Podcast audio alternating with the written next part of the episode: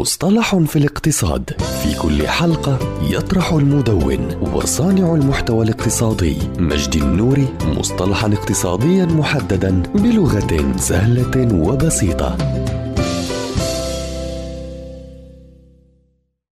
الفضاء التنظيمي. يصف هذا المصطلح تأثير البيئة المكانية على صحة وعقل وسلوك البشر داخل المنظمات وحولها. ويتأثر مجال الفضاء التنظيمي بالعديد من العلوم والمجالات حيث يأتي مستمدا ومستوحى من الإدارة والتنظيم والعمارة. كما أضيفت إليه علوم أخرى مستقاة على سبيل المثال علم النفس البيئي والطب الاجتماعي والعلم المكاني. وبشكل رئيس يمكن النظر إليه كمجال خاص. يجمع ما تم التوصل إليه من خبرات في مجالات الدراسات التنظيمية وإدارة التغيير والتي يتم تطبيقها على فن العمارة ولكن يتم عكسها على سلوك البشر داخل المنظمات والمؤسسات لتنعكس بشكل إيجابي على المخرجات من السلع والخدمات.